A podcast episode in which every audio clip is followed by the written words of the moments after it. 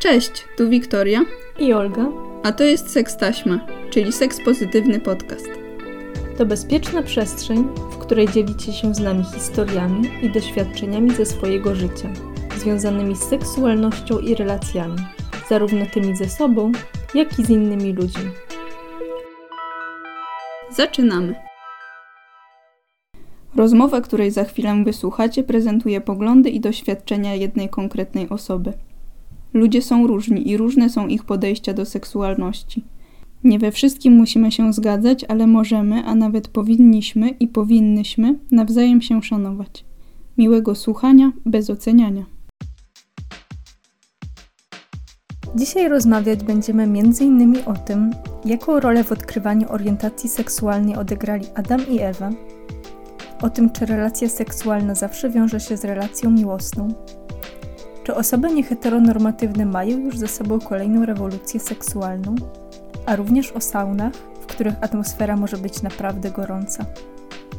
To opowieść o tym, że czasami poznawanie innych ludzi może być drogą do poznania siebie. Cześć. Cześć. E, czy możesz się przedstawić? E, mam na imię Aleksander.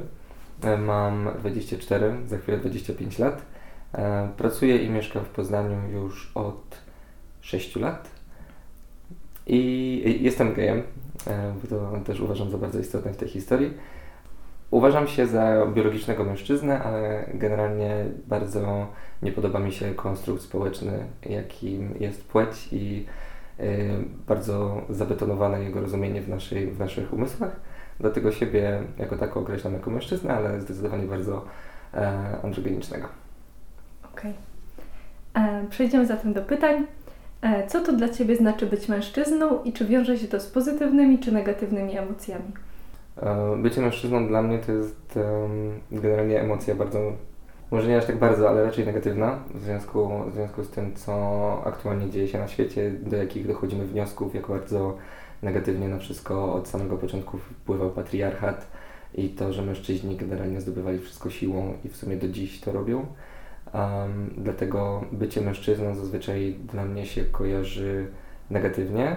Um, czasami mam wrażenie, że ja jako taka konsystencja mnie, e, jako moja dusza zdecydowanie lepiej by się czuła w, w formie kobiecej, w, gdybym się urodził kobietą. E, podejrzewam, że i tak nie zwracałbym w ogóle uwagi, bo generalnie nie przeszkadza mi używanie zajemków ani żeńskich, ani, ani męskich. Podejrzewam, że w pewnym momencie nawet, e, kiedy już będzie to ładnie unormowane i bardzo, e, bardzo powszechne, to zacznę nawet używać zajemków nijakich. Jednakowoż płeć jako taka dla mnie, ta biologiczna, która jest do mnie przypisana i niestety przenosi się na wszystkie aspekty społeczne, no nie pasuje mi za bardzo w tej takiej binarnej formie. I bycie mężczyzną zawsze mi się kojarzyło właśnie z siłą, z koniecznością udowadniania czegoś, z, z taką niezdrową dominacją. I dla mnie każda y, emocja, każda cecha jest, y, ma swój odpowiednik zarówno w tej żeńskiej, jak i w tej męskiej formie. Y, I w każdej innej formie, która znajduje się na tym spektrum między byciem kobietą i mężczyzną, a nawet gdziekolwiek poza tą linią. Dlatego też um, przyklejenie tego typowo do mężczyzny uważam raczej za toksyczne niż, e, niż jakkolwiek pozytywne albo wiodące do czegokolwiek budującego. Mhm. A powiedz nam teraz, kiedy dorastałeś, to jaką rolę odgrywała w domu mama, a jaką tata? To była właśnie zawsze ta, ta śmieszna historyjka, którą powtarzam do dziś, że głową rodziny był tata, ale mama była szyją, więc ta mhm. szyja kręciła głową tak, jak było trzeba, albo jak zazwyczaj uważała. Teraz y, kontakt z, zarówno z tatą, jak i z mamą mam praktycznie taki sam. E, jednak przez większość mojego dzieciństwa mam wrażenie, tego kontaktu z tatą dużo brakowało. E, trochę też ze względu na to, że mój tata jest raczej spokojną osobą, dosyć, e, może nie nazwę tego wycofanym, ale zdecydowanie nie lubi się jakoś specjalnie włączać w jakiekolwiek rzeczy, które nie przyniosą mu nic, nic budującego. Dlatego też w wielu aspektach e, mojego życia tata nie uczestniczył tak aktywnie jak mama. E, o, oczywiście uczestniczył jak najbardziej i, i nigdzie go nie brakowało, ale zdecydowanie mama tutaj wiodła prym. E, do dzisiaj też mam z nią bardzo dobry kontakt, jednak jeżeli chodzi o jakiekolwiek takie bardzo osobiste rzeczy, wciąż mam problem, żeby się do nich otworzyć. E, tata był zdecydowanie tym, wiadomo, typowym, jestem z małego miasteczka, więc to był typowy wzorzec, e, jest, był wzorzec męskości, był wzorzec kobiecości i mama była tą opiekunką, tą pielęgniarką, tą dobrą duszą, a tata był tym, który ewentualnie wspierał w czymś, pomagał, e, świecił przykładem, był tą ostoją. To prawda i tak nie wyglądało to tak jak w większości takich typowo polskich rodzin. no offense wiadomo, no hard feelings, ale tak. Teraz bardzo się cieszę, właśnie teraz kontakt z tatą się zdecydowanie lepiej zbudował i zdecydowanie bardziej gra mi to, że tak powiem, bo bardzo mi na tym zależało.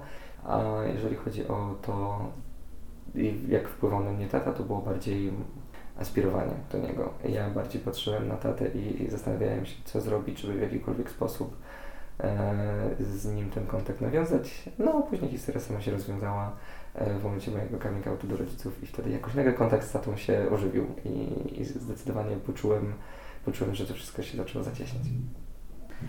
A jakie w Twoim domu było podejście do seksualności? Czy kiedykolwiek rozmawialiście na tematy związane z seksem? Um, no tutaj znowu pojawia się stygma tego małego miasteczka. E, seksualność generalnie, owszem, istniała. Wszyscy, e, wszyscy byli świadomi tego, że ten temat kiedyś nadejdzie. Ostatecznie, prawdę powiedziawszy, nigdy nie nadszedł jako tako, e, ale jakby wszyscy, zarówno ja, jak i moja mama i mój tata, bo to, jest cała nasza rodzina, e, ta najbliższa, e, każda osoba była świadoma, że seksualność istnieje i że jakąś tam ma formę. Jednak odkrywanie jej w moim przypadku było pozostawione na, na własną rękę. Jakiekolwiek próby wypytywania rodziców bardzo szybko się ucięły, bo pamiętam, że przy pierwszej erekcji, jak pobiegłem do mamy, e, to spojrzała się, odpowiedziała w jakiś tam wymieniający sposób, żeby tylko, żeby tylko nie zasugerować. Podejrzewam, że kierowała się tym, że ja najprawdopodobniej pójdę zaraz gdzieś dalej to rozpowiadać, jeżeli by mi odpowiedziała zgodnie z prawdą i tak o co, o co w tym chodzi i musiałaby zacząć wprowadzać temat, wiadomo, pszczółki, kwiatki i jak to wygląda z tym całym seksem. E, to ja bym podejrzewam zaraz to rozpowiedział wszystkim znajomym i zaraz byłaby fama na całą, na całą miejscowość, że seksualizują dzieci, mhm. wiadomo. Także niestety temat seksualności u nas może nie tyle wciąż jest tabu, co po prostu się go nie porusza, bo już jestem na tyle duży, że już chyba wszystko wiem, a przynajmniej rodzice mhm. nie są w stanie mnie nauczyć nic nowego. A wtedy, kiedy był jakby na to czas, e, no to nie za bardzo były do tego fundamenty. Nie za bardzo moi rodzice podejrzewam wiedzieli, jak to robić. Ja też nie za bardzo czułem taką ogromną potrzebę, żeby to od nich koniecznie się dowiedzieć. Lekcje były, że tu w szkole były jakie były. Pamiętasz, e... czego tam uczyli? Albo nie e, uczyli? Albo, albo nie uczyli. E... Zdecydowanie większość, może nie tyle, że wyparłem, co stwierdziłem, że było na tyle nieistotne, że nie zapamiętałem tego. No pamiętam takie klasyczne przykłady z opisów, e, z opisów układów rozrodczych męskich i żeńskich i były śmieszki, heheszki, że o jajnik, o jajowód, o, że tam macica i cała reszta wszystkich śmiesznych słówek. Ja oczywiście do tego podchodziłem na zasadzie, że no owszem, jest śmieszne, bo to jest pierwsze zatknięcie z tym i mamy takie, a nie inne spojrzenie na to, ale mimo wszystko podchodziłem do tego bardzo uczciwie i świadomie, że jakby takie rzeczy trzeba wiedzieć i nieważne, czy to są nasze organy, czy nie nasze organy, czy my je mamy, czy nie, musimy wiedzieć, jak to działa, bo kiedy dojdzie do jakiegoś zetknięcia z tymi organami, no to prędzej czy później będziemy musieli się pochwalić swoją dojrzałością i tym, co wiemy, a gdzie jesteśmy wciąż, e, żeby zielone. Były sceny, e, były inscenizacje przybierania, przybierania, nie było przybierania. Były inscenizacje z przewijania dzieci, gdzie podejrzewam, że ja chyba byłem jedną z dwóch osób, które odważyły się podejść do plastikowej lalki i zmienić jej pieluchę. Ja oczywiście strasznie zestresowany, bo jakby ja do dzisiaj boję się dzieci i mam, boję się po prostu, że nie, nie go zepsuję.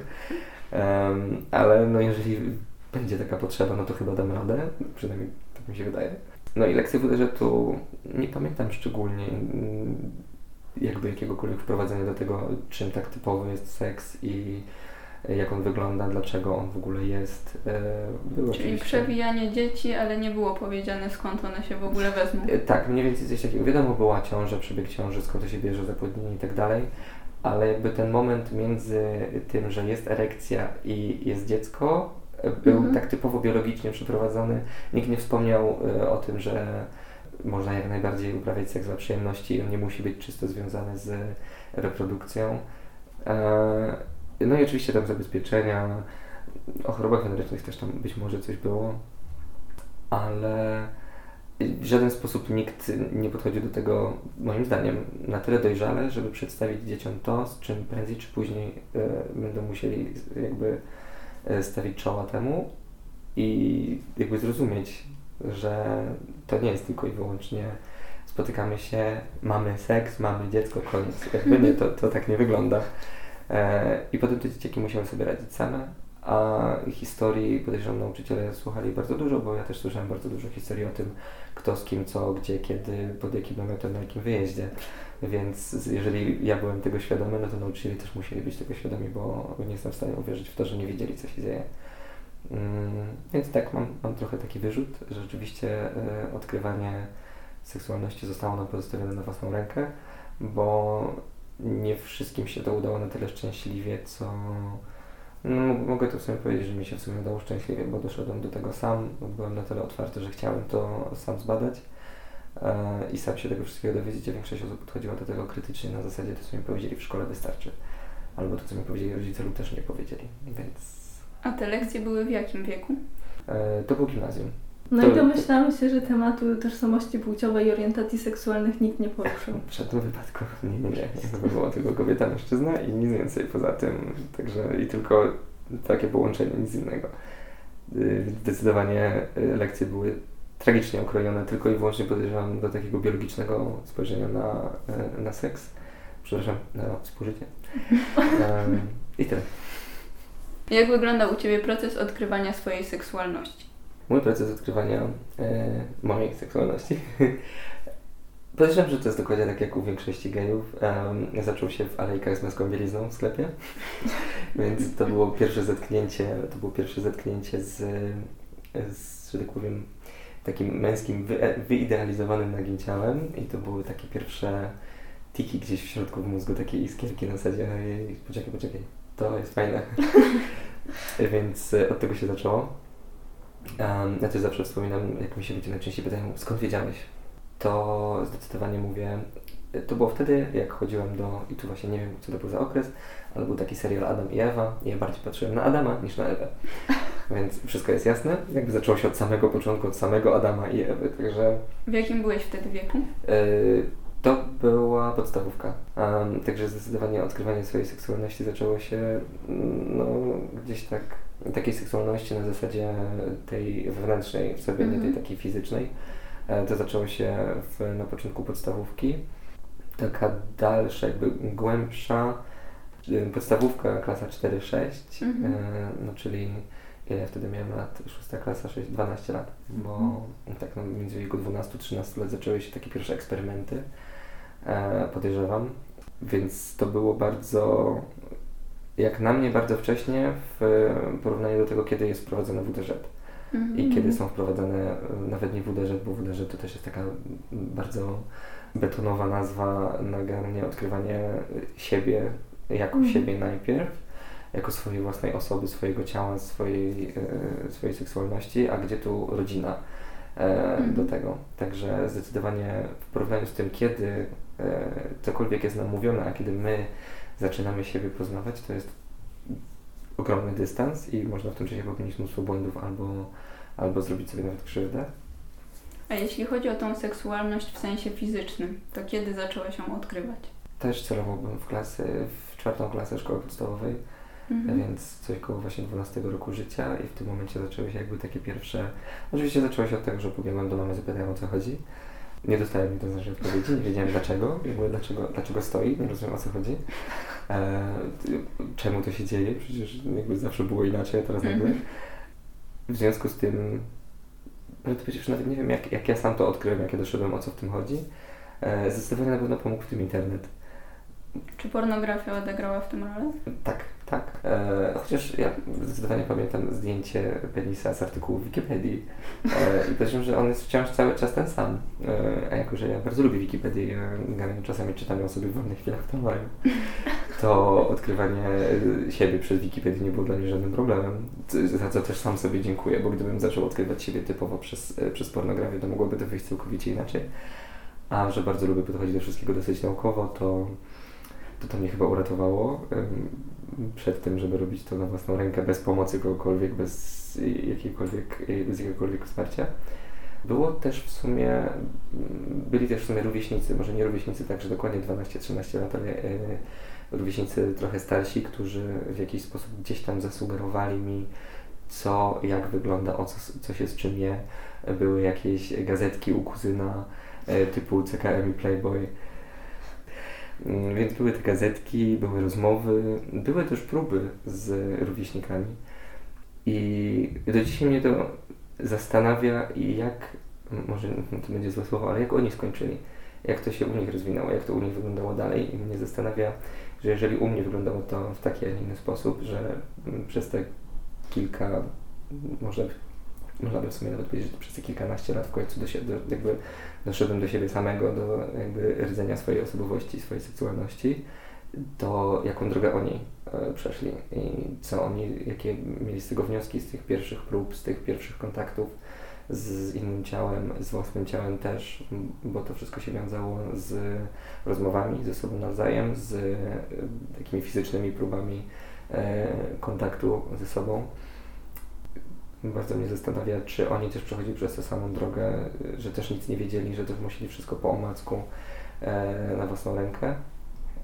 Ale te wszystkie rozmowy i próby od początku były z chłopcami, czy były jakieś eksperymenty też z dziewczynami?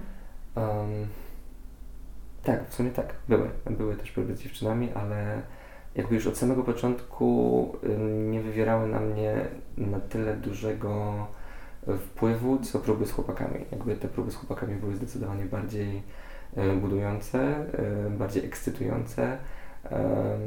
Prób z dziewczynami była może jedna, dwie ewentualnie, zaczynając od takich śmiesznych rzeczy typu o, bo my będziemy brali ślub i cała szkoła wiedziała, że my bierzemy ślub. E, co było oczywiście żartem, gdzie ja nawet w ogóle nie myślałem o tym, żeby jakkolwiek się z kimkolwiek wiązać, tylko stwierdziłem, że to jest taka bardzo duża zabawa w dom. E, natomiast z chłopakami zdecydowanie, jeżeli były jakieś próby, to wiązały się one już z jakąś formą e, więzi. Że tu już było, była jakaś kwestia tego, że ta osoba mi się podobała, że, że to było już zdecydowanie bardziej fizyczne, mhm. a nie tylko zabawa i takie społeczne śmieszki, heszki, że będziemy się hajtać. Czy potrzebujesz więzi emocjonalnej, żeby wejść w relację seksualną? W sumie nie. Znaczy może inaczej, żeby tak mhm. odpowiedzieć bezpośrednio na to pytanie, to nie. Żeby wejść w jakąkolwiek relację fizyczną z, z, chłopakiem w żadnym wypadku nie potrzebuję e, więzi. Także jestem idealnym przykładem tego, że e, zdecydowanie jeżeli istnieją osoby e, aseksualne, to mogą też istnieć osoby aromantyczne. I czasami się zastanawiam, może nawet troszkę obawiam, czy ja nie jestem jedną z takich osób, że w ogóle nie ma do mnie problemu nie wiedzieć nawet jak ktoś ma na imię E, żeby cokolwiek z, z nim zrobić. E, więc jak najbardziej nie. I to też od samego początku mi się przedstawiało, że rzeczywiście e, im mniej kogoś znałem, tym łatwiej było mi wejść na taką stopę fizyczności, bo zawsze, kiedy już z kimś się znało i przechodziło się w jakąś taką właśnie seksualność, to potem po wszystkim były problemy, czy jak się spotkamy znowu, czy jak się zobaczymy znowu, to czy jakby znowu będziemy patrzeć na siebie w ten sam sposób, czy nie zaczniemy jakby unikać kontaktu, e, więc... Czyli te emocje mogą być takie problematyczne. Tak, tak, mogą być problematyczne, chociaż też nie powiem, bardzo często e, zdarza się, że e, zbliżenie się do kogoś emocjonalnie otwiera jakby całkowicie inne obszary fizyczności więc to jest bardzo. Ja jestem, ja generalnie jestem osobą, która się sama siebie wyklucza bardzo często, więc jednocześnie jestem lewo i prawo i troszeczkę ciężko zrobić taki wielki rozkrok, ale jak najbardziej głównie jestem osobą, która nie potrzebuje więzi e, emocjonalnej, żeby nawiązać więź fizyczną. Mhm. A czy byłeś kiedyś zakochany? Uczciwie przed samym sobą powiem, że jeszcze chyba mi się nie zdarzyło, żeby poczuć do kogoś na tyle silną emocję, żeby nazwać ją zakochaniem Zauroczenie, tak, jakieś tam motylki w brzuchu, tak, ale do zakochania chyba jeszcze nikt nie dotarł. Mhm. Czyli nie było takiego momentu, żebyś e, komuś powiedział kocham cię? Nie, nie, jeszcze nigdy. E, tak, typowo jeżeli chodzi o osoby, osoby jakby dopiero poznane, wiadomo, nie mówimy o kocie albo rodzicach, e, to jeżeli chodzi, o, jeżeli chodzi o jakąś osobę poznaną, z którą rozwijałem więź od zera, z którą budowałem coś, to jeszcze nigdy się nie zdarzyło, żebym komuś wyznał miłość. Także jeszcze nie. A jeśli chodzi o rodziców i o to mówienie kocham, czy tobie mówili i czy ty mówiłeś rodzicom?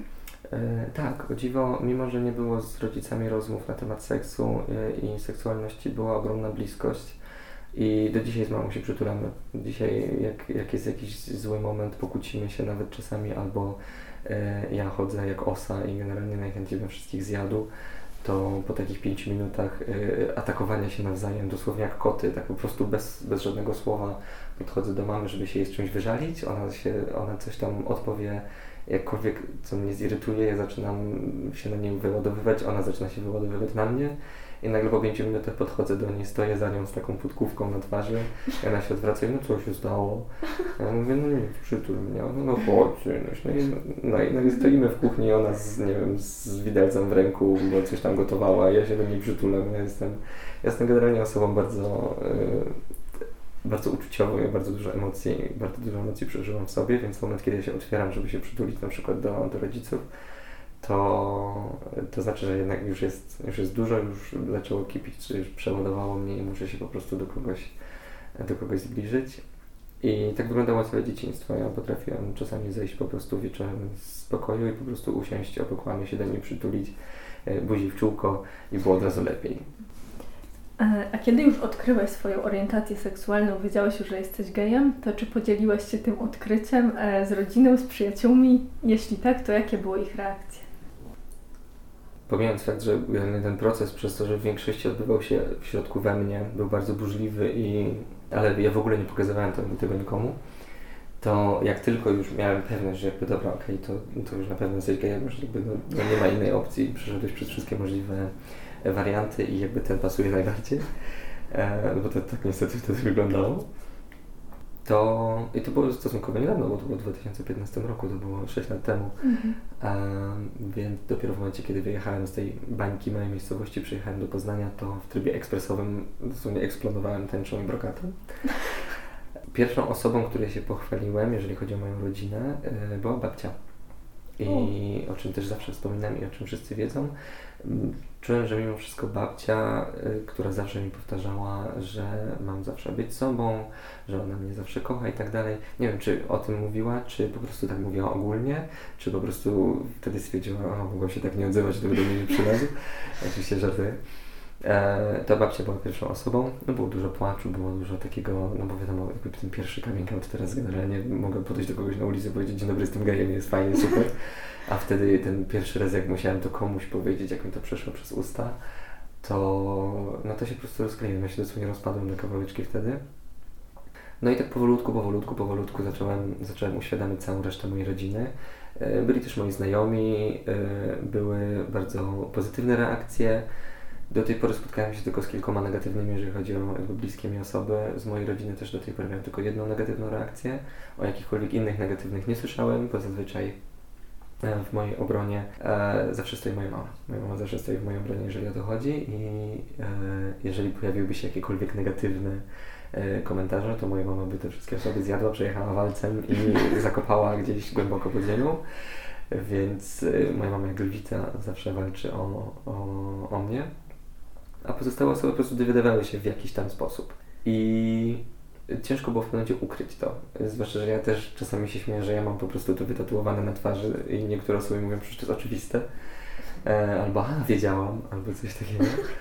E, więc jakkolwiek jest to zabawne, to zabiera mi tę przyjemność takiego uświadamiania osób niektórych, że jednak, no sorry tu, ale myliłaś się. Także uświadamianie rodziny zazwyczaj wyglądało na zasadzie albo się domyślili, Y, i nie komentowali tego w żaden sposób, albo do dzisiaj nie wiedzą i coś tam myślą, ale nie wiedzą, ale jakby my też z rodzicami nie mamy presji, żeby się tym chwalić. E, wiadomo, jak są jakieś stare ciotki, które mówią, o, kiedy w końcu przyjedziesz z jakąś panną, to tylko jest takie, o Boże, wywracanie oczami. Patrzenie się na mamę, mama z takim tonem daje już spokój, już nie będziemy jej tłumaczyć. E, patrzenie się na tatę, tata oczywiście z twarzą mówi, ja nic nie wiem.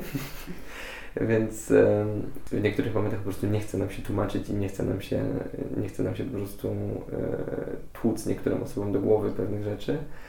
E, niektóre osoby się dowiedziały z mojej rodziny przez przypadek i potem pisały do mnie, dlaczego mi nic nie powiedziałeś? E, przecież y, znam Cię od dzieciaka, przecież jestem Twoją ulubioną ciocią, czemu nic nie mówiłeś? Zazwyczaj odpowiedź była, przepraszam, nie wiedziałem, y, że mogę, bardzo chciałem, ale też nie byłem pewien, dopiero zacząłem. I zawsze, bo przecież wiesz, że masz zawsze wsparcie we mnie, kocham Cię i tak dalej, i tak dalej. Więc no, mnóstwo pozytywnych emocji. A jeśli chodzi o Twoich rodziców, to jak oni zareagowali? E, mama dowiedziała się przez telefon, nie mogłem wytrzymać. E, tydzień był do mojego zjazdu z powrotem do domu nie mogłem wytrzymać, musiałem jej to powiedzieć przez telefon. Mm, sam początek zarówno ze strony taty, jak i ze strony mamy, bo jak teraz wspierają mnie niesamowicie i, i nawet, e, nawet z księdzem w pewnym momencie prawie się pożarli, kiedy, kiedy zaczęło mnie wypytywać, to sam początek był dosyć dosyć drętwy i dosyć ciężki i bardzo się bałem po, po tym początku. Mama zada mi pytanie, no a skąd wiesz? Ciężko jest odpowiedzieć na to pytanie, zwłaszcza, że ja teraz próbuję to wytłumaczyć podczas tego nagrania i to i tak będzie długo i długo wałkowane, ale odpowiedziałem zwykłym, mama po prostu wiem. E, przetrawiła to i w pewnym momencie zrozumiała, zrozumiała że no tak jest i, i koniec i że wciąż jestem tym samym kochanym synkiem co też mi nieraz powiedziała, że, że i tak zawsze mnie będzie kochać. Ostatnio nawet na Wszystkich Świętych powiedziała, że jakiekolwiek sprawy pogrzebowe mam sobie załatwiać ze swoim przyszłym. Ale powiedziałem, że dopóki go nie ma, to oni za to odpowiadają. Więc w momencie, kiedy już moja mama zaczęła e, rozmawiać ze mną o moich e, przyszłych problemach z moim przyszłym, to już wiem, że jest wszystko super. E, u taty natomiast na drugi dzień, jakby bo to było na imprezie sylwestrowej, E, wygadałem mu się, będąc trzymanym pod, jedną, pod jeden mankiet i pod drugi mankiet przez dwie lesbijki. Nade mną wisiała tęczowa flaga, dookoła było, dookoła było mnóstwo tęczowych, queerowych znajomych e, i w sumie, że tak powiem, z mężczyzn, jeżeli tak to mogę powiedzieć. E, byłem tam tylko ja, mój tata, wujek i mój kolega. Cała reszta towarzystwa to były same, same dziewczyny, z czego bardzo dużo z nich właśnie było, bardzo dużo znajomych było właśnie queer. I na drugi dzień tata podchodzi do mnie i mówi, czy to, co mi powiedziałeś wczoraj w Sylwestra, to prawda? Ja siedzę, patrzę się na niego, spoglądam do góry na tęczową flagę, myślę o tych wszystkich, e, o tych wszystkich sytuacjach, jakie miały miejsce wczoraj, o tej ilości tęczy, jaka się przelała przez nasz dom, która jeszcze nigdy się nie przelała w takiej ilości i się zastanawiam, czy on na serio mi się pyta, czy ja, czy ja mówiłem mu na serio. E, ja powiedziałem tak, jak najbardziej. I tak wszystko się zgadza, jakby nic, nic nie cofam, wszystko co powiedziałem się zgadza. Wróciłem sobie do, do Poznania, tydzień później przyjechałem do domu e, i tata mówi do mnie ja bardzo często nie popierałem Twoich różnych decyzji i bardzo nie rozumiałem, dlaczego Ty je podejmujesz, dlaczego w taki, a nie inny sposób y, chcesz żyć i myśleć. I w tym momencie po prostu jak belką o twarz, taką grubą drewnianą belą w twarz dostałem ale patrząc na sytuację osób LGBT w Polsce, zdecydowanie nie dziwię się, że chcesz wyjechać z tego kraju. Ja w ciężkim szoku przez kilka sekund nie, nie wiedziałem, co odpowiedzieć, bo myślałem, że tacie chodzi o moje decyzje odnośnie życia i tego, z kim, z kim się prowadzam i tak dalej. A tacie chodziło po prostu o pomysł mojego wyjazdu i, i jak najszybszej emigracji, mhm. Bo zrobił research, spędził tydzień nad komputerem, śledząc i czytając artykuły o o, o sytuacji naszej w, w, kraju, o tym, jak, jak trudno jest o homofobii, o wszystkim. I generalnie okazało się, że mój tata po prostu przeczytał pół Wikipedii na ten temat, więc po, to poświęcenie, jakie on, jakie on sobą, jakby to wyedukowanie się na własną rękę, więc chyba po nim mam to, że się wyedukowałem na własną rękę z większości tematów, no to jest godne podziwu i za to go kocham bardzo. A czy sam pomysł emigracji pozostał? Tak, cały czas siedzi gdzieś z tyłu głowy. Mimo, że, znaczy ja to nawet obiecałem nieraz y, i to jest nawet też bardzo publicznie obiecane, że jeżeli rzeczywiście sytuacja w kraju będzie na tyle trudna, że jakby ja już stwierdzę, że a moja granica jest bardzo daleko, jeżeli ja stwierdzę, że ja do tej granicy już dotarłem, no to nic mnie nie trzyma i możliwości mam wiele, wyjazdu do różnych miejsc na świecie i po prostu to zrobię. Jakby pierwszym takim jest powrót obowiązkowej służby wojskowej. W momencie, jak tylko będzie informacja, że ona wraca, to mnie już nie będzie w kraju. Mhm. Ale jeżeli rzeczywiście sytuacja będzie nie do życia, no to ja wychodzę z założenia, że e, jak to było w jednej piosence, e, do których ja bardzo lubię się odwoływać, e, lepszy żywy obywatel niż martwy bohater. Dlatego też wolę żyć niż ryzykować swoim zdrowiem i życiem tylko po to, żeby komuś udowodnić, że, że jestem w stanie przeżyć w tym kraju. A jak wyglądały Twoje pierwsze relacje miłosno-seksualne? A moja pierwsza relacja miłosno-seksualna jest bardzo głęboko e, zakotwiczona w moim mózgu. Jakby pamiętam ją bardzo dokładnie, jestem w stanie bardzo wiele szczegółów z niej, e, z niej że tak powiem, przytoczyć. E, jednak moja pierwsza relacja rozpoczęła się właśnie mniej więcej, kiedy byłem jeszcze nie byłem już hetero, ale nie byłem jeszcze gejem. To był ten taki bardzo krótki, ale bardzo burzliwy okres przejściowy który tak próbowałem odkrywać siebie na różne sposoby i pojawił się wtedy taki jeden chłopak. To było jedno z dużych osiedli w Poznaniu. E, okazało się, że mieszka niedaleko, bo raptem na osiedlu, że tak powiem, za granicą mojego osiedla. I spotkaliśmy się to było takie typowo klasyczne, szczeniackie e, randeczki na zasadzie spacerki. To nie było, nie było żadnej restauracji, nic takiego, no bo trzeba było się ukrywać, bo przecież jakby nas ktoś zobaczył razem na, na obiedzie, to zaraz by było, że pedały, o Jezu. To była osoba, z którą miałem swój pierwszy pocałunek. E, nie wspominam go jakoś pozytywnie. Nie był jakoś super fajny. Był raczej, był raczej takim pierwszym eksperymentem właśnie na którym jakby do dzisiaj bazuję swoją osobę. E, więc moje pierwsze relacje były, były tak naprawdę romantyczne, muszę przyznać, że one w ogóle nie miały jakiegokolwiek zabarwienia seksualnego. E, mimo, że w tym samym okresie jakby też bardzo odkrywałem, no bo przez 19 lat swojego życia, 18-19 e, lat swojego życia byłem jakby praktycznie bez kontaktu z drugą osobą. Byłem, może by to nazwać wypuszczonym, no ale no, to nie o to chodzi. E, brakowało mi po prostu kontaktu z drugą osobą, takiego typowo fizycznego, seksualnego. I próbując tak e, przez te ograniczenia społeczne, że no przecież nie można się z kimś spotkać na seks tak po prostu, bo to jest po prostu puszczanie się. Mhm. I przecież każdy ci to powie na ulicy, że osoba, która się spotka z kimś na seks, to jest przecież no, wiadomo kim i wiadomo co robi. E, dlatego też jakby miałem to bardzo z tyłu głowy gdzieś e, wbite, że muszę się z kimś spotykać, e, randkować i dopiero potem ewentualnie na tej czwartej, piątej randce możemy spróbować jakiegoś buziaka.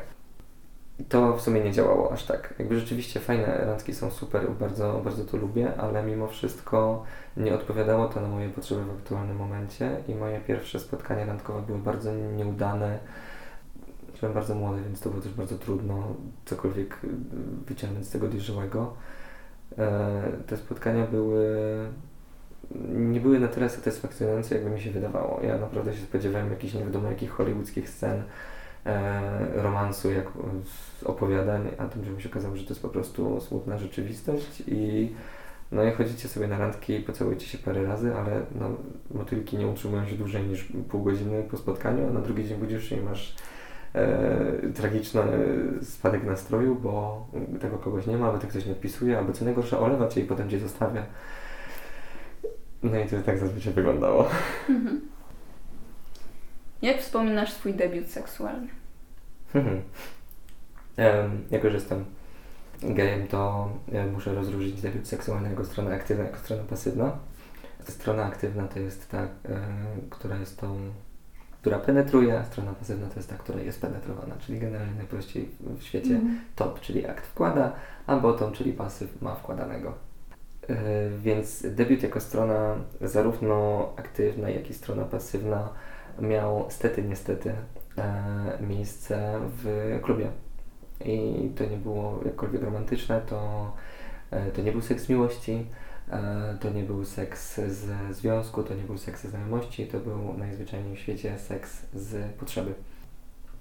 Debiut jako taki kontaktu fizycznego z drugą osobą, e, debiut mojego kontaktu z e, czyimś przyrodzeniem mm, też nie, jakby nie był jakkolwiek związany z, z uczuciami, z romantyzmem, z czymkolwiek, to była też po prostu zwykła potrzeba poznania. To był ten właśnie okres okres e, szkoły podstawowej, kiedy najzwyczajniej w świecie po prostu wszyscy jesteśmy ciekawi co i jak i gdzie i jakby nikogo wtedy nie interesują związki ani nic takiego, tylko po prostu chcemy wiedzieć. Więc to też wynikało z tego, że po prostu bardzo chciałem poznać, e, jak wygląda penis innego kolesia, jak to, jak to wygląda, jakie to jest uczucie go trzymać w ręku. No i ze zwykłej mojej ciekawości naukowej sprawdziłem. Nie było co prawda mojej ciekawości, już wtedy o dziwo, że ja się wtedy nie domyśliłem, nie było tej ciekawości odnośnie tego, jak, jakie to uczucie e, dotykać waginy, jakie to jest uczucie generalnie w jakikolwiek sposób e, czy to są jakieś emocje związane z tym, nie, w ogóle. Ja miałem jakby tylko potrzeby poznania tego, zobaczenia jak to wygląda i czy rzeczywiście wygląda tak jak na rysunkach w Atlasie, albo na tych wszystkich filmach, które są e, pokazywane w szkole, albo ewentualnie na, na stronach pornograficznych. Więc to też było tylko i wyłącznie e, potrzeba sprawdzenia, jak to wygląda w rzeczywistości, takiego empirystycznego poznania. I jak to się zadziało, że w końcu miałeś okazję sprawdzić? to był moment, kiedy, w momencie, kiedy podczas rozmów z tą drugą osobą nagle zaczęło się schodzić na to, że i ja, i ta druga osoba chcielibyśmy poznać i zobaczyć, jak to wygląda, no to nastąpiło takie, no to możemy ewentualnie zdjąć spodnie na przykład. A czy wy byliście w tym samym wieku? E, tak, tak, tak. To był ten sam wiek, albo przynajmniej wiek zbliżony, bo ja jakby nigdy nie byłem w tym samym wieku co moi rówieśnicy, bo ja zawsze byłem rok młodszy. E, ale to zawsze był jakiś wiek zbliżony, no nie będziemy wiadomo chodzić z legitymacjami szkolnymi, bo wtedy nikt nie miał dowodu. Więc to wynikało tylko i wyłącznie z tego, że w pewnym momencie ktoś poruszył temat wystarczająco bliski e, tego odkrywania e, swojej cielesności, że zaczęliśmy go ciągnąć dalej, czy to z jednej strony, czy z drugiej i w pewnym momencie po prostu, ja nawet nie pamiętam, nie wiem, czy to jest kwestia tego, że po prostu wyparłem te wspomnienia, czy to jest kwestia tego, że to było dla mnie na tyle nieistotne. Ja nie pamiętam, jak wyglądała droga do poznania, e, jakby od momentu rozmowy do momentu zdjęcia rzeczywiście tych spodni, ale e, po prostu się stało. W jakiś sposób e, się godziliśmy na to, żeby pokazać sobie nawzajem te jakże bardzo intymne i zapchnięte w strefę tabu części swojego ciała. I w jakiś sposób się po prostu stało. I, I mieliśmy to jakby pierwsze, ten swój debiut za sobą, ten taki malutki. I potem przez długi czas była cisza. Jakby, w sensie przez długi czas jakby życia była cisza. Mhm. E, od tego momentu poznania nic więcej się nie działo. Jakby ja zaspokoiłem swoją potrzebę dowiedzenia się, jak to wygląda. E, nie interesowało mnie w sumie z jakiego powodu tamte, tamte osoby chciały poznawać cokolwiek e, z mojej cielesności. I aż do momentu, kiedy rzeczywiście nie zauważyłem takiego mocnego powiązania między życiem a seksualnością i, i jakby nie zrozumiałem, że to jest po prostu najzwyczajniejsza potrzeba ludzkiej egzystencji, to do tego czasu nie odkrywałem w ogóle i nie próbowałem w żaden sposób na drugiej stronie badania tego, czy nie chciałaby ewentualnie e, przejść do jakiejkolwiek fizyczności ze mną. Czyli to była taka naukowa ciekawość, ale nigdy nie przyszło Ci do głowy, że może być e, na przykład biseksualny? Mm, nie, nie. Jakby wszystkie moje próby z dziewczynami e, wychodziły z tego, że taka była presja z zewnątrz, -hmm. że no przecież chłopak z dziewczyną musi. Były filmy, były seriale, była jakby wszędzie był chłopak mm z mhm. dziewczyną i to było tak oczywiste, że ja nawet się nie zastanawiam dlaczego, ja po prostu chciałem to poznać. I nawet nie próbowałem dalej. W momencie, kiedy poznałem, kiedy zobaczyłem, jak, jak to wygląda, e, jak e, wygląda kobiece ciało, jak, jak, to, jak to wszystko się układa, to od tego momentu w ogóle nie potrzebowałem nic dalej w tamtą stronę iść, jakkolwiek uczuciowo albo seksualnie. Ja to po prostu poznałem i dla mnie to było ok, mhm. checkbox jest odhaczony, możemy iść dalej, checklista jest zrobiona. No, dopiero później w okresie liceum zaczęły się te pierwsze momenty, kiedy organizm zaczął działać w ten sposób, że zaczął potrzebować więcej, e, więcej jakiej, jakiejś stymulacji takiej właśnie z kwestii fizycznego e, pociągu i takiego pociągu emocjonalnego i wtedy zaczęły się rzeczywiście próby odkrywania e, tak bardziej ciała z takiej już potrzeby wewnętrznej, seksualnej, ale wtedy to już były tylko i wyłącznie ciała męskie. To w ogóle mhm. nie interesowało mnie ciało kobiety w żaden sposób ja to dzisiaj pluję sobie w brodę, że ja wtedy w żaden sposób nikt mi nie powiedział, e, jak to powinno wyglądać, bo ja podejrzewam, że całkowicie inaczej by wyglądał teraz i już w ogóle inaczej wyglądałoby moje życie i odkrywanie siebie. Podczas tego debiutu w klubie, jakie emocje Ci towarzyszyły? W sumie to były zazwyczaj te same emocje, które zawsze, e, zawsze towarzyszą w tego typu miejscach, że e, ja po prostu chciałem. Ja po prostu miałem potrzebę, można by to nawet sprościć do takiej zwykłej chcicy.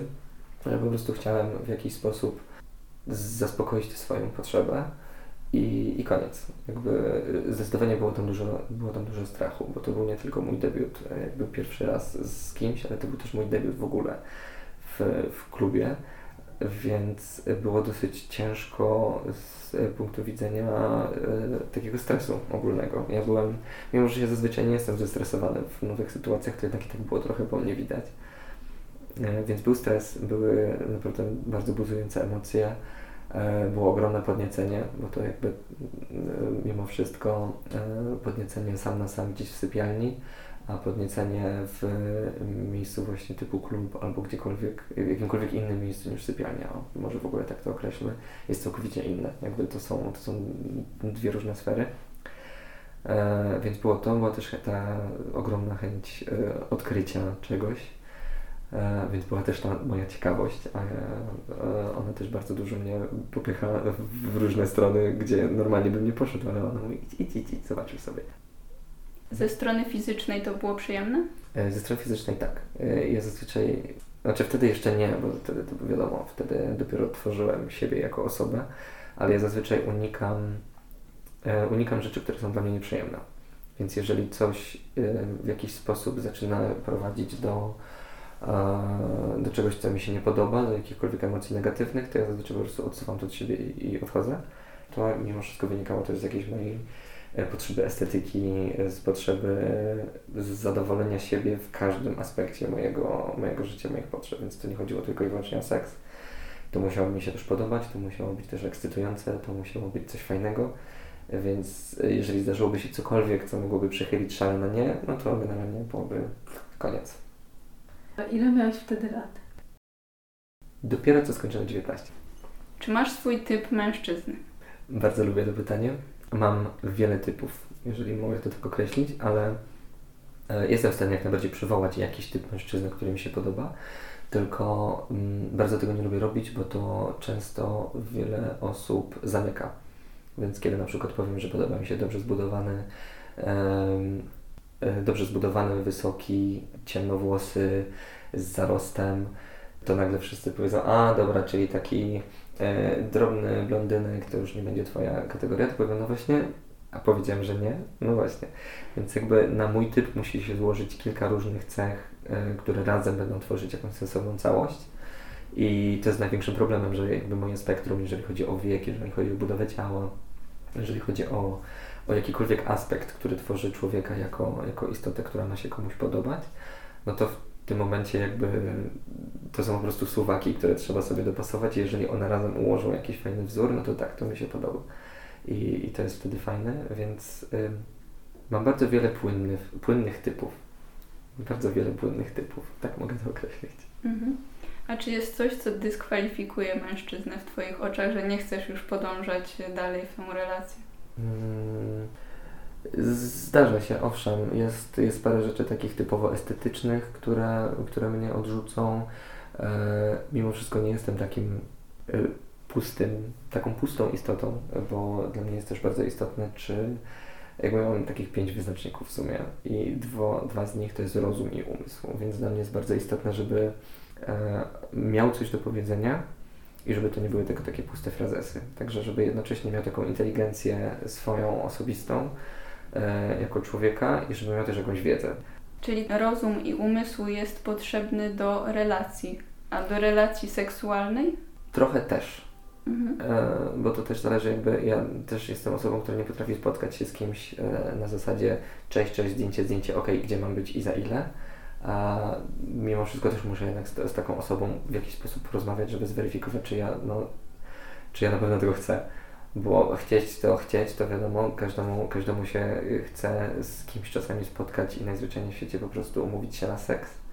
Znaczy, no wiadomo, nie każdemu, ale yy, wszyscy mamy różne potrzeby, ale to też nie jest tak, że yy, pójdę do łóżka z każdym.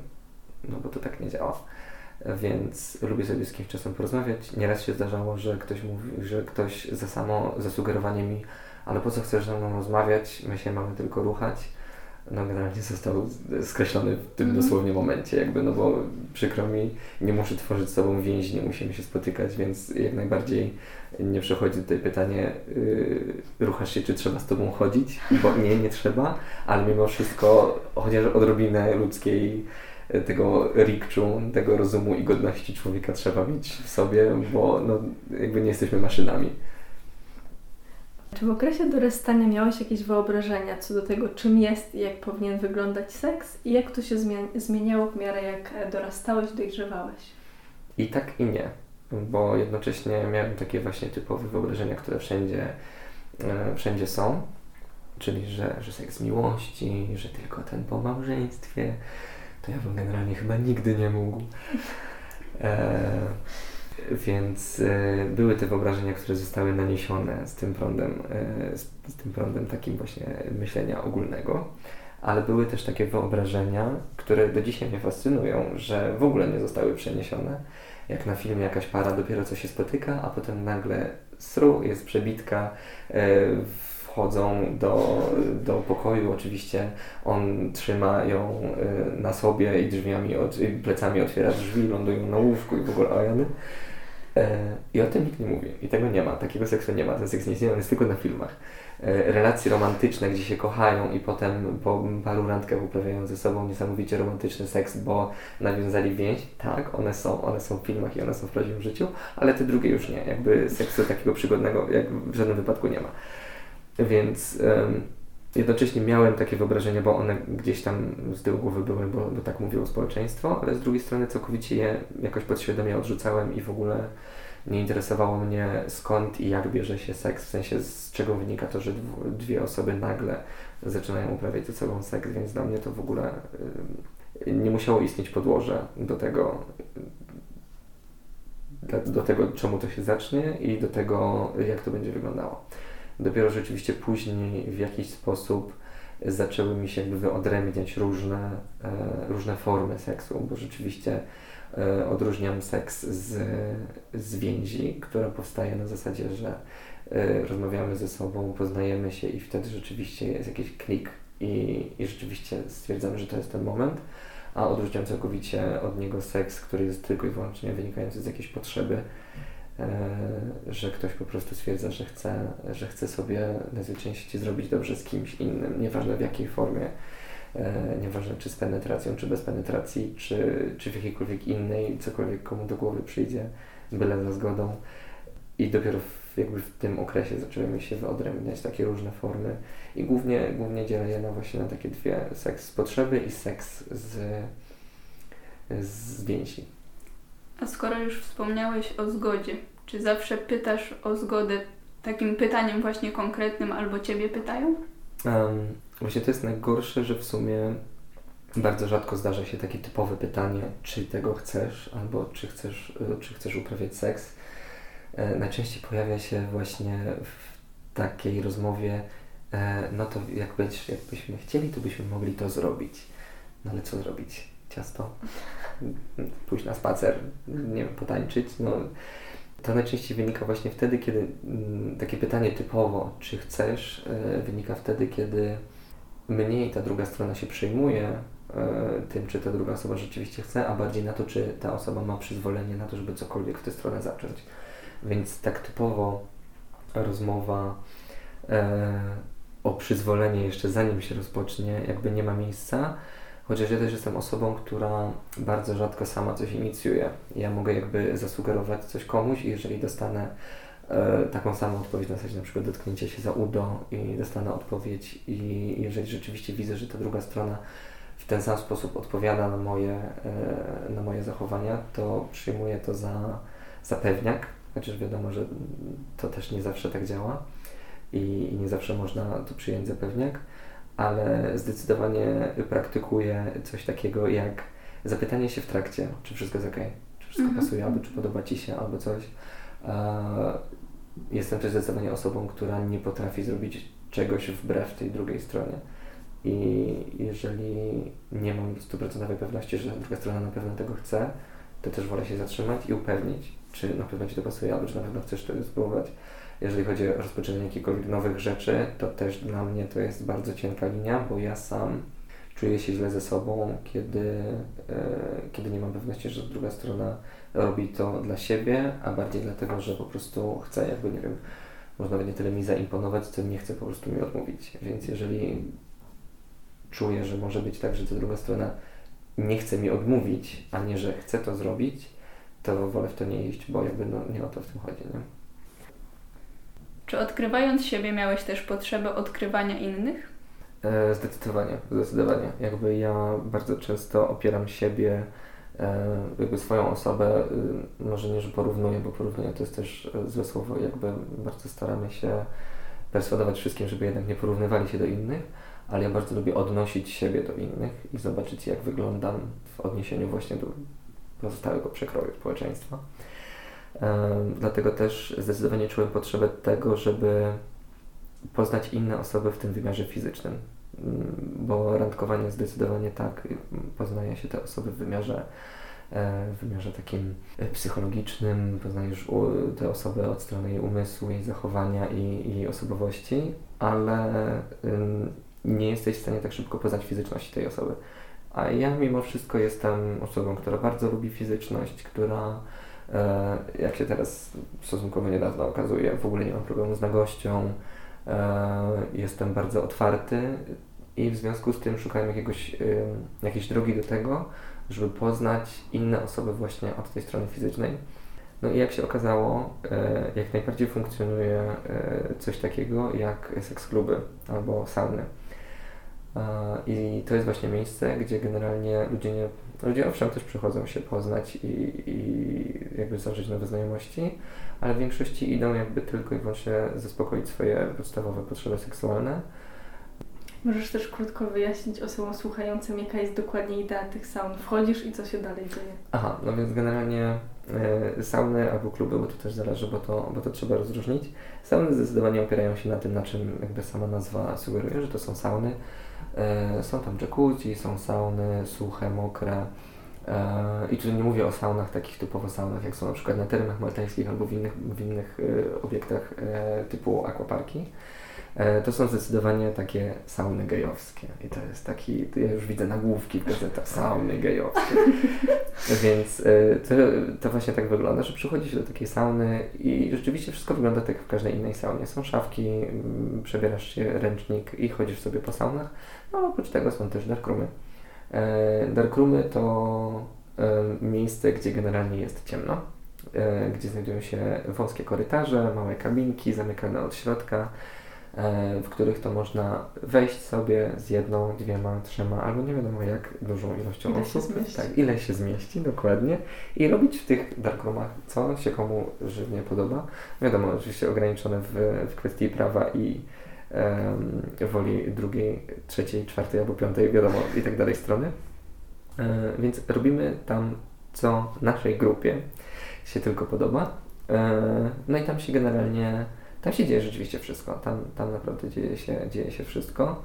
E, I to jest właśnie miejsce do jednocześnie, bo teraz mówimy o saunach. Sauny to jednocześnie miejsce, gdzie można sobie spokojnie odsepnąć, można się zrelaksować a jeżeli ktoś na tych saunach nam się spodoba, no to wtedy możemy sobie z tym kimś pójść do Darkroomów. I tam możemy sobie robić rzeczy w miejscach, jeżeli tak można powiedzieć. Więc y, są osoby, które ograniczają się w, do poznania się z tą drugą osobą i na saunach na przykład zazwyczaj po prostu ze sobą rozmawiają, a potem wychodzą i idą sobie razem do którejś z tych osób albo umawiają się na inny dzień i poznają się i randkują i tworzą się związki, bo są i takie rzeczy. Są osoby, które przychodzą do saun i idą prosto do darkroomów, żeby po prostu sobie kogoś, że tak to e, określę, upolować, e, spędzić razem przyjemnie czas, zaspokoić swoje e, potrzeby seksualne i wyjść sobie, wrócić do domku. A są osoby, które przychodzą na saunę i robią i jedno i drugie i sobie chillują i sobie odpoczywają, saunują e, a potem sobie kogoś znajdują i sobie razem spędzają razem czas w takim na przykład darkroomie albo idą do siebie a są też osoby, które po prostu przychodzą do sound, żeby posiedzieć i pooglądać. E, taką osobą jestem na przykład ja. ja. Mnie bardzo dobrze opisuje e, też jedna piosenka. Ja bardzo lubię piosenki, ja bardzo lubię muzykę, więc bardzo często analizuję teksty. E, jest też jedna piosenka, w której autorka tej piosenki mówi I like going to the sex clubs, watching freaky people turning it on. Ja ile dobrze zapamiętałem. Yy, więc ja zdecydowanie jestem osobą, która lubi pójść sobie do, takiego, do takiej sauny, do takiego seks klubu. Yy, seks klub od sauny różni to, że w seks klubie nie ma sauny, więc w sumie tylko darkroomy yy, i bar. W związku z tym ja mm, jakby z tej potrzeby odkrywania siebie samego i innych również zawitałem pewnego razu do takiego miejsca. Znamy takie miejsca w Poznaniu, może czy kto wie, ten wie to już troszkę wrosło w naszą e, subkulturę i prawdę powiedziawszy, każde większe miasto, każdy większy ośrodek e, miejski ma takie miejsca e, u siebie. Te miejsca bardzo się między sobą różnią, bo są te takie mm, bardziej, że tak powiem, hamskie i bezpośrednie, a są te takie bardziej zawo, zawo, zwola, są też takie bardziej zawoalowane, dokładnie, e, które które stawiają też również na poznawanie się e, w tym wymiarze metafizycznym. W związku z tym trafiłem do takiego jednego miejsca i okazało się, że to, jakkolwiek to dla niektórych e, osób zabrzmi, mi to bardzo odpowiada. Ja bardzo lubię takie miejsca, bo ja bardzo lubię obserwować ludzi. Ja czasami nie mogę się oprzeć rzeczywiście, żeby mam ochotę czasami stanąć gdzieś na dużym skrzyżowaniu, po prostu patrzeć na ludzi, jak ludzie chodzą, co ludzie robią. Y, w klubie bardzo często po prostu stoję, wszyscy mówią, czemu nie tańczysz, czemu nie bawisz się dobrze, a ja lubię po prostu czasami postać i popatrzeć, jak ludzie się zachowują, co ludzie robią, jak się zachowują przy barze, jak się zachowują na parkiecie i to samo lubię robić właśnie w, w takich seks klubach i saunach. Lubię obserwować ludzi, obserwować, tworzyć jakby dla tych ludzi nie lubię bardzo szufladkowania, ale jakby robię to na potrzeby swojej roboczej, e, swojej, swojej jakby takiej roboczej fazy poznania drugiej osoby. I właśnie bardzo lubię tych ludzi opisywać, tworzyć im jakieś schematy zachowań, patrzeć co robią, poznawać ich e, od tej formy takiego strasznego stalkera trochę. A czy zdarzało Ci się obserwować innych ludzi podczas kiedy uprawiali seks? Mm, to też miało miejsce, tak, jak najbardziej, bo, bo są, są też takie miejsca w seks klubach właśnie, w których można to zrobić. E, są przestrzenie otwarte, są przestrzenie zamknięte, trochę jak w biurze. E, więc są takie open spaces, gdzie rzeczywiście e, osoby, które się tego nie wstydzą i którym to nie przeszkadza, e, jak najbardziej uprawiają seks publicznie i wszyscy mogą na to patrzeć ale znowu z drugiej strony nie zawsze było to dla mnie czymś seksualnym, czymś, co sprawiało, że ja, że mnie to podnieca i że mnie to kręci. A często bardzo patrzyłem i obserwowałem, w jaki sposób oni uprawiają seks, w jaki sposób, y, jakie pozycje tak wybierają. Tak naukowo, dokładnie, tak właśnie celem poznania. E, może dlatego mi się to miasto tak podoba, bo ono generalnie jest dla mnie słowem hashtagiem. E, więc e, zdecydowanie tak, zdarzało mi się obserwować, zdarzało mi się w tych klubach też eksperymentować. E, w tych klubach poznałem bardzo wiele swojej osoby, bo mimo wszystko było, była to jakaś forma wyjścia poza swoją strefę komfortu. Nieraz mi się zdarzało też oprowadzić kilka osób po takim miejscu, pokazać jak to wygląda. W większości klubów w Polsce wstępują tylko mężczyźni, jakby już nikt nie wnika jakie są orientacje, bo E, wiadomo, że jest to też dobre miejsce dla osób hetero, które chciałyby pozostać hetero, ale jednak czasami wolą sobie e, z mężczyzną coś też porobić. Tu już mam tylko na myśli facetów e, hetero, którzy sobie przychodzą z innymi facetami robić, wiadomo, hetero rzeczy. No to cóż jest bardziej męskiego od seksu dwóch mężczyzn, prawda? W związku z tym niestety wstęp mają tam tylko mężczyźni i niestety nie wiadomo mi nic na temat e, takiego klubu dla e, kobiet w, Pol w Polsce, w Poznaniu. W jaki sposób zabezpieczasz się przed infekcjami przenoszonymi drogą płciową? Jeżeli mam taki okres, że rzeczywiście bardzo dużo chcę, e, mam bardzo dużo, dużą potrzebę i bardzo często chcę się spotykać, to wtedy stosuję PrEP i wtedy, że tak powiem, zaczynam prep i, i kontynuuję go tak długo, jak długo y, jakiekolwiek ryzykowne zachowania. Znowu powiedz pokrótce, czym jest prep. Tak. E, PrEP to jest dokładnie ta sama substancja, którą przyjmują osoby, które są już wirusem HIV zarażone. E, I substancja przyjmowana, ta substancja przyjmowana przez osoby, które mogą się wystawić na ryzyko, ale są zdrowe, E, powoduje, że w przypadku, kiedy ten wirus pojawi się w naszym organizmie, nie ma szans na przeżycie i najzwyczajniej w świecie mm, po prostu nie zarażamy się, więc ten wirus po prostu, pod warunkiem, że jakby stosujemy go prawidłowo, szansa na zarażenie się wirusem HIV jest minimalizowana bardzo. Wiadomo, nigdy nie ma nic w życiu na 100%, ja też zawsze powtarzam. Więc stosuję PrEP. E, dodatkowo jeszcze e, prezerwatywy. PrEP stosuję okazjonalnie w momencie, kiedy rzeczywiście pojawia się ten okres jakby mojej zwiększonej aktywności seksualnej. No i regularne badania, no bo jakby nie jesteśmy się w stanie, e, nawet mając PrEP i, i gumki, nie jesteśmy się w stanie na 100% zabezpieczyć. No więc regularne badania, obserwowanie własnego ciała, obserwowanie reakcji, nie negowania tego przede wszystkim i co też jest bardzo ważne, odpowiedzialność. Bo jeżeli poszedłem do lekarza, co też miało, co też miało niedawno miejsce, poszedłem do lekarza, dostałem informację, że to są typowe objawy klamydii albo rzeżączki. Dostałem leczenie e, i dostałem informację, że muszę poinformować wszystkie osoby, z którymi miałem kontakt w ciągu ostatnich 30 dni. To rzetelnie, grzecznie napisałem formułkę i wysłałem e, do jakiejkolwiek osoby, która miała ze mną kontakt uczciwie, z pełną świadomością tego, że niektóre osoby po prostu stwierdzą, że e, jestem żałosny i nara e, i koniec i nie chcą się w ogóle więcej spotykać. O dziwo, wszystkie osoby zareagowały mega pozytywnie. Podziękowały mi, że, że uczciwie podszedłem do tematu i, nie kryłem tego i nie zostawiłem ich tak po prostu na, na pożarcie. I żadna z tych osób nie, nie napisała mi, że, że nie chce się kontaktować i że, że jakby nie będziemy więcej utrzymywać kontaktu. Więc E, no więc tak, więc te trzy podstawowe, podstawowe rzeczy, więc zabezpieczać się, kontrolować się i e, robić wszystko odpowiedzialnie. Czy dostrzegasz różnicę pomiędzy związkami osób hetero i niehetero? Tak, tak. Um, główną różnicą, którą ja zawsze zauważam, która jest jakby tylko i wyłącznie moją obserwacją, więc nie wiem jak to się ma do rzeczywistości, ale ja zawsze sobie, e, jakby też innym, zwłaszcza osobom hetero, E, bardzo często pada pytanie, dlaczego wasze relacje są takie nietrwałe? W sensie pytanie, dlaczego nasze relacje e, osób niehetero są tak nietrwałe? E, ja zawsze zauważam wtedy, że w mojej opinii my jakby przeszliśmy już tę kolejną rewolucję seksualną.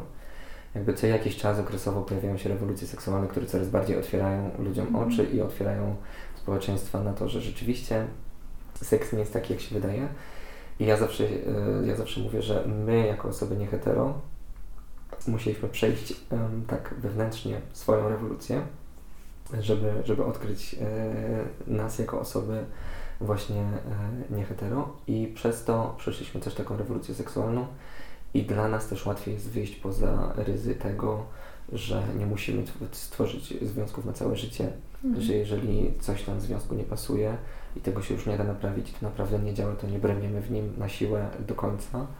E, nas też bardzo często nie wiążą więzy małżeńskie, o które tak bardzo byśmy się, e, o, o które tak bardzo prosimy i które tak bardzo byśmy chcieli, ale nikt nam nie chce ich dać.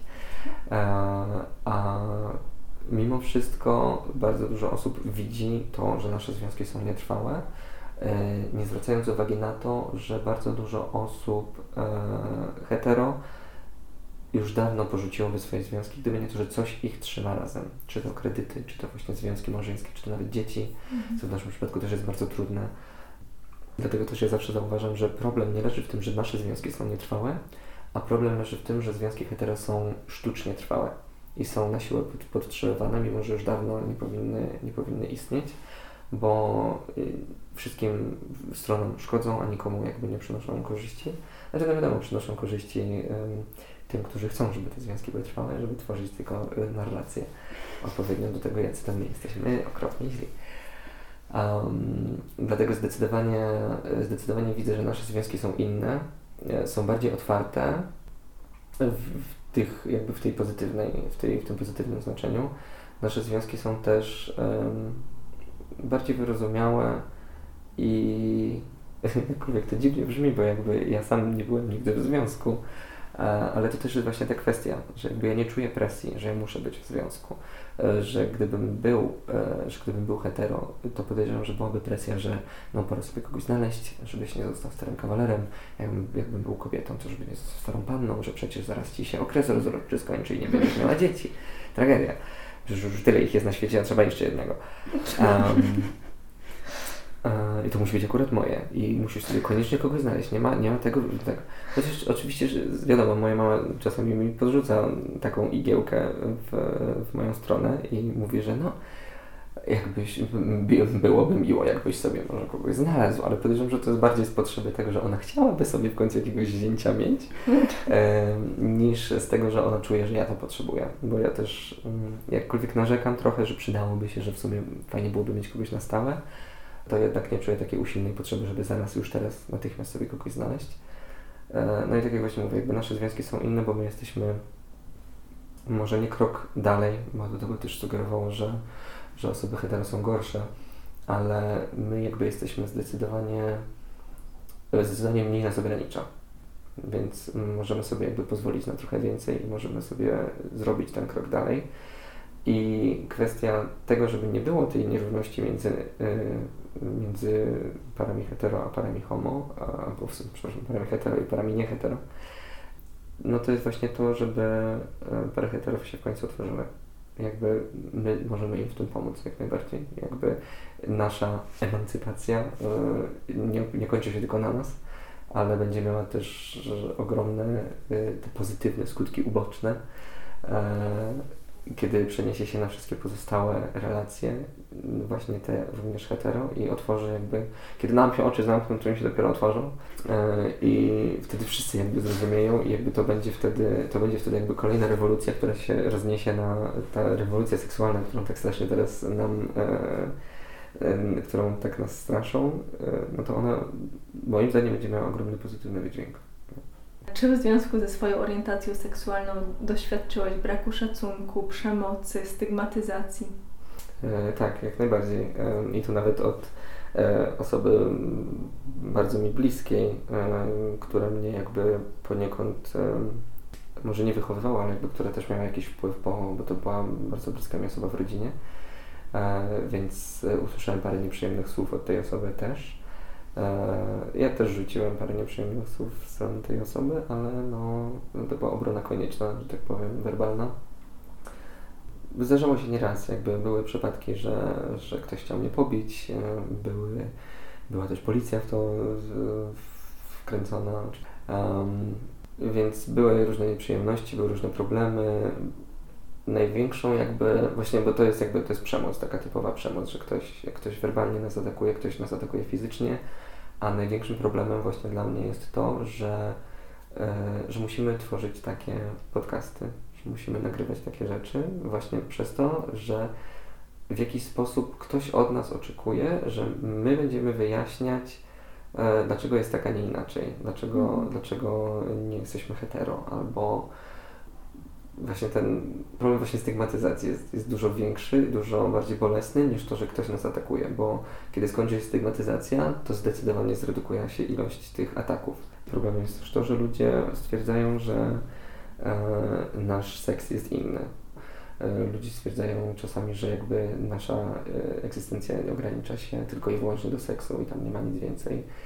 E, problemem jest też to, że ja się muszę czasami tłumaczyć z czegoś, żeby móc rozpocząć jakąś rozmowę, albo też, że na przykład nie wchodzę w jakąś rozmowę, bo nie chcę się z tego tłumaczyć, albo nie chcę komuś robić wykładu na temat tego, jak coś wygląda. Jak wyglądała kiedyś i jak wygląda teraz Twoja relacja ze swoim ciałem? Mm, a to jest bardzo fajne pytanie, to mi się podoba. Kiedyś, e, zaczynając już od gimnazjum, bo już wtedy obserwowałem e, inną osobę, E, i to jak wyglądają ich ciała i to było zarówno z tego punktu widzenia tego, że te ciała mi się podobały, e, tak typowo fizycznie i, i, seksualnie, ale też z tego punktu widzenia, że ja odnosiłem swoje ciało do innych, to przez bardzo długi czas bardzo dużo kompleksów miałem. E, jak każdy męczyłem się trądzikiem, u mnie było to, u mnie było to dużo dłuższe i dużo trudniejsze E, miałem problemy ze swoją posturą, bardzo dużo się garbiłem ze względu na to, że bardzo się obawiałem swoich środków i to były naprawdę takie pierdoły, dosłownie takie pierdoły, że jak myślę o tym teraz, to, to uśmiechnę się i myślę sobie, że jaki głupi. Ale no to się wywodziło z tego, że um, poprzez to odkrywanie siebie i przez to, że musiałem siebie kryć, nie byłem w stanie na tyle pogodzić się ze samym sobą, że to się przenosiło nawet na całe moje ciało. Więc dopóki ja nie pogodziłem się z samym sobą, dopóki nie odkryłem w 100% wszystkiego, to miałem bardzo dużo problemów właśnie z akceptacją swoich, swojego ciała. E, teraz, prawdę powiedziawszy, mógłbym lekką, że tak powiem, ręką rzucić, że pozbyłem się chyba wszystkich kompleksów. Że jeżeli jakieś mi zostały, to ewentualnie takie, że czasem zobaczył się na Instagramie jakieś piękne zęby, albo stwierdzam, że moje stopy czasami są dziwne i czasami ich nie lubię, ale wystarczy, że ktoś, na przykład jakaś osoba, która ma fetysz, powie mi, że mam idealne stopy, że one są po prostu zajebiste i że to są najlepsze stopy, jakie kiedykolwiek ta osoba widziała, to mi przechodzi, momentalnie przechodzi i właśnie takie rzeczy mnie bardzo otworzyły. Poznanie, e, poznanie innych ludzi, odkrycie innych osób, które mają różne fetysze, które mają różne zajawki. I w momencie, kiedy zrozumiałem, że są inne osoby i one myślą na swój sposób i one widzą moje ciało na, na swój własny sposób, to wtedy zrozumiałem, że pewne aspekty mojego ciała podobają się różnym osobom, mimo że mi się mogą nie podobać.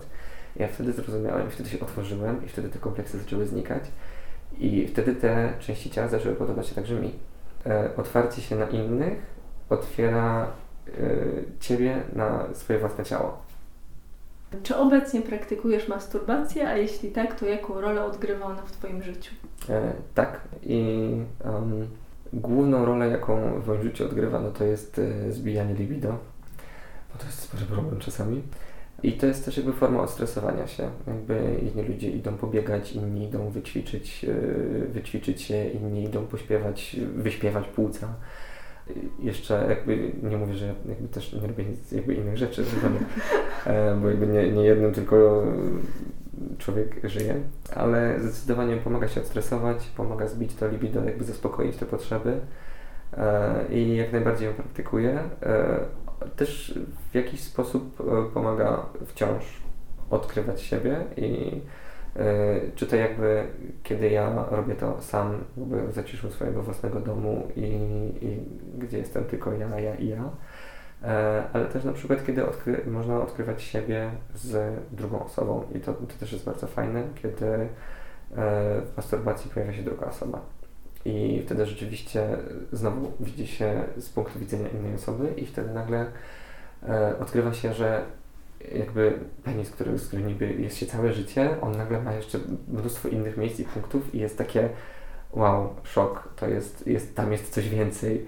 Więc e, jakby masturbacja jako ta najbardziej bazowa forma e, zaspokojenia swojej potrzeby no stanowi u mnie coś e, jakby pokroju, nie wiem, chodzenia do toalety, wypróżniania, jedzenia, spania. To jest po mhm. prostu jakby podstawowa czynność, którą od czasu do czasu, w zależności od tego, czy potrzeba jest większa, czy mniejsza, po prostu, po prostu wykonuję i, i już. I to jest po prostu jakby część mojego, część mojego życia.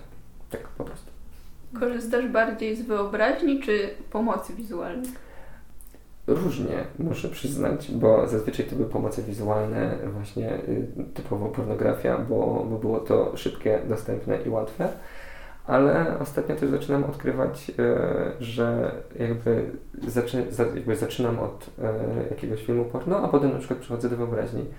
I, I, zdecydowanie jakby tu znowu mi się otworzyła po prostu kolejna strona księgi, kolejne drzwi e, do kolejnego świata i nagle zacząłem zauważyć, że wow, jakby można się rozwijać dalej. A po tylu latach ja wciąż odkrywam coś nowego i tam wciąż są jakieś nowe rzeczy i to można to ciągnąć dalej, więc zdecydowanie nie, nie postawię do tej kropki, o, może tak, że korzystanie z różnych pomocy e, nie skończyło się, a w sumie mógłbym powiedzieć, że nawet jeszcze się dobrze nie zaczęło, tak mi się wydaje. Czy jest coś, co chciałbyś usłyszeć, będąc nastolatkiem, co wtedy pomogłoby Ci lepiej zrozumieć siebie? Pomogłaby mi po prostu najzwyklejsza rozmowa z jakąkolwiek osobą nie hetero. Więc usłyszenie, że, że są osoby, które nie są hetero i to jest w pełni normalne, e, zdecydowanie jakby przyspieszyłoby, podejrzewam, cały proces mojego odkrywania siebie o kilka lat. Pomogłoby mi, uprościłoby wiele tych smutnych, negatywnych procesów, które miały miejsce w tym czasie. E, wiele przykrości, które, e, które przez ten czas e, się wydarzyły i zdecydowanie byłoby mi łatwiej. Więc usłyszeć po prostu, że jest coś innego niż to, co wszyscy ci mówią, że jest. A czy jest coś, co chciałbyś powiedzieć, poradzić osobom, które nas słuchają, jakąś naukę płynącą z Twojej historii? Zdecydowanie mógłbym podzielić się właśnie swoimi, znaczy oprócz tego, że jakby już się podzieliłem swoimi doświadczeniami, to mógłbym się podzielić jakby swoimi przemyśleniami na zasadzie e, seks jest e, przyjemnością, jest, e, jest potrzebą, którą trzeba zaspokoić i nie można się tego obawiać, więc w żaden sposób nie powinniśmy się obawiać pójścia do łóżka, jeżeli z kimś, jeżeli ta druga osoba też chce i my czujemy taką potrzebę. E, Zdecydowanie nie, zdecydowanie nie powinniśmy się w żaden sposób ograniczać i powstrzymywać przed tym. E, Powinniśmy się otwierać na nowe możliwości, bo prawdę powiedziawszy, ja mam, że tak powiem, na koncie parę osób, które uświadomiłem i którym jakby dałem do zrozumienia, że dlaczego się blokujesz, dlaczego nie pozwalasz komuś e, jakby otworzyć cię, więc to, co ja bardzo często mówię, to jest właśnie opowiadanie tych swoich historii i pokazywanie innym, że tak można, że tak się da i że wcale taka osoba nie wygląda potem jak e, najgorsza.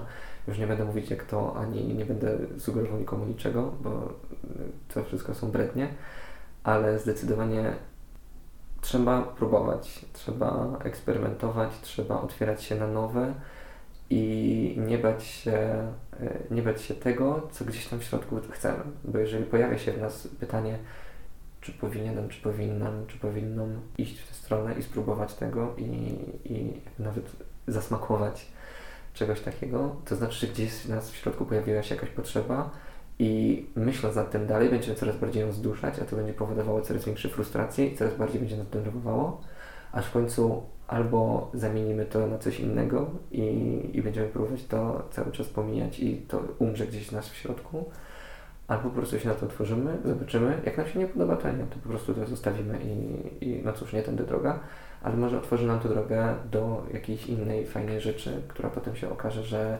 całkowicie zmieni nasze postrzeganie, nie wiem, pogłębi nasz związek, jeżeli to jest jakaś propozycja w związku, albo zaprowadzi nas do czegoś nowego, do jakichś, jakichś nowych odkryć, które poprowadzą nas do jakiejś nowej drogi szczęścia. No, jakby drogi są niezbadane, także zdecydowanie otwartość, e, chęć do próbowania, bo to nie jest tak, że ktoś nas do czegoś zmusza, no jak nas zmusza, no to wiadomo, nie i nie.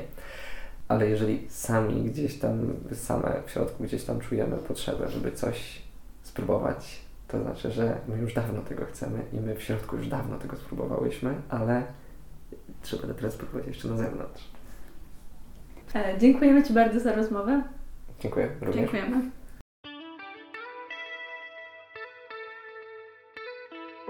To już wszystko na dzisiaj. Jeżeli też chcesz podzielić się swoją historią, napisz na sekstasma1 małpa gmail.com. Po więcej informacji zapraszamy na naszego Instagrama. Do usłyszenia.